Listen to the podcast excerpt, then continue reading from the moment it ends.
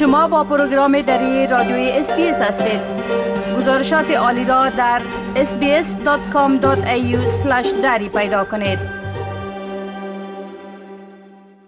شنونده های عزیز حال همکار ما جاود رستاپور که از کابل با ما در تماس هستند در مورد آخرین تحولات در افغانستان به ما معلومات میتن آقای رستاپور سلام بر شما. با سلام وقت شما بخیر. آقای رستاپور میشه که در آغاز لطف کنین و به شنونده های ما در مورد بازداشت چند تن به اتهام همکاری با جبهه مقاومت معلومات بتین که افراد از سوی کی و در کجا بازداشت شدند.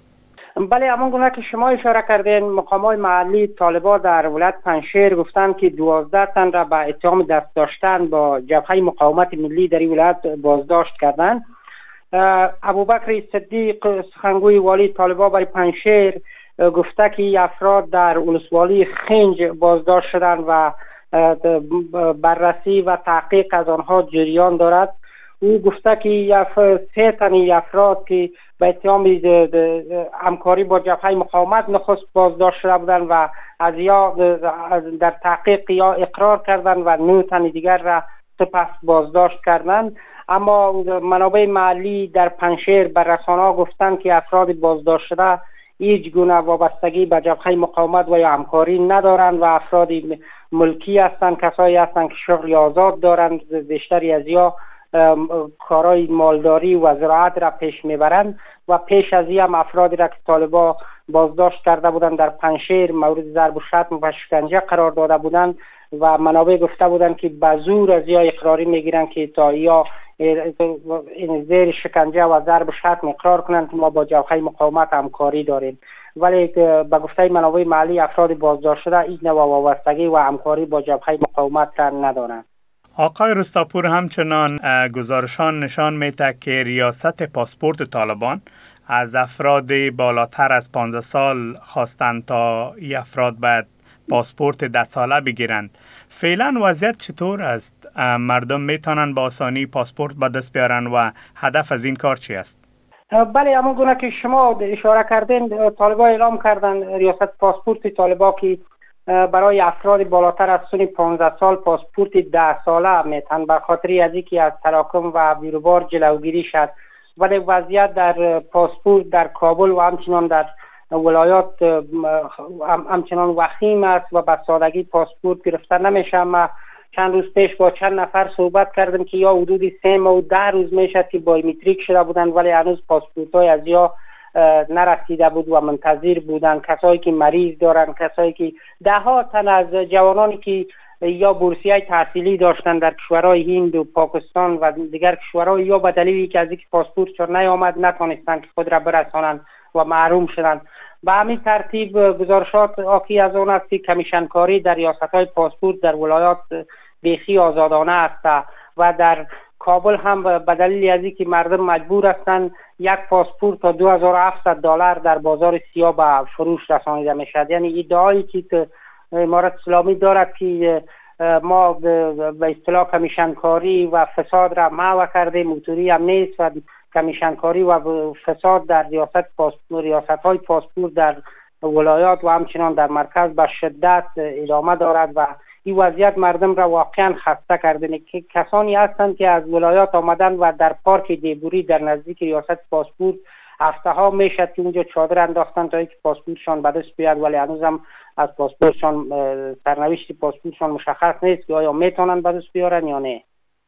تشکر آقای رستاپور نهادهای حامی رسانه ها از افزایش بازداشت خبرنگاران توسط طالبان نگران هستند. میشه که جزیات را با شنونده های ما شریک بسازین که وضعیت فعلا وضعیت برای خبرنگاران در افغانستان چطور است؟ آیا رسانه ها می‌تونن با آزادی فعالیت داشته باشند و خبرنگاران چرا بازداشت میشن؟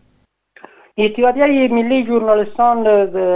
در اعلامیه به تازگی گفته که وضعیت خبرنگاران و رسانه ها با گذشت هر روز بدتر میشن و در تازه ترین مورد روز گذشته محیب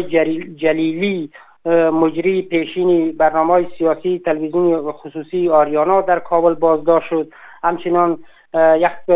مجری از تلویزیون یک یک روز پیشش بازداشت شد و به همین ترتیب روز گذشته یک خبرنگار محلی در ولایت ننگرهار از سوی اداره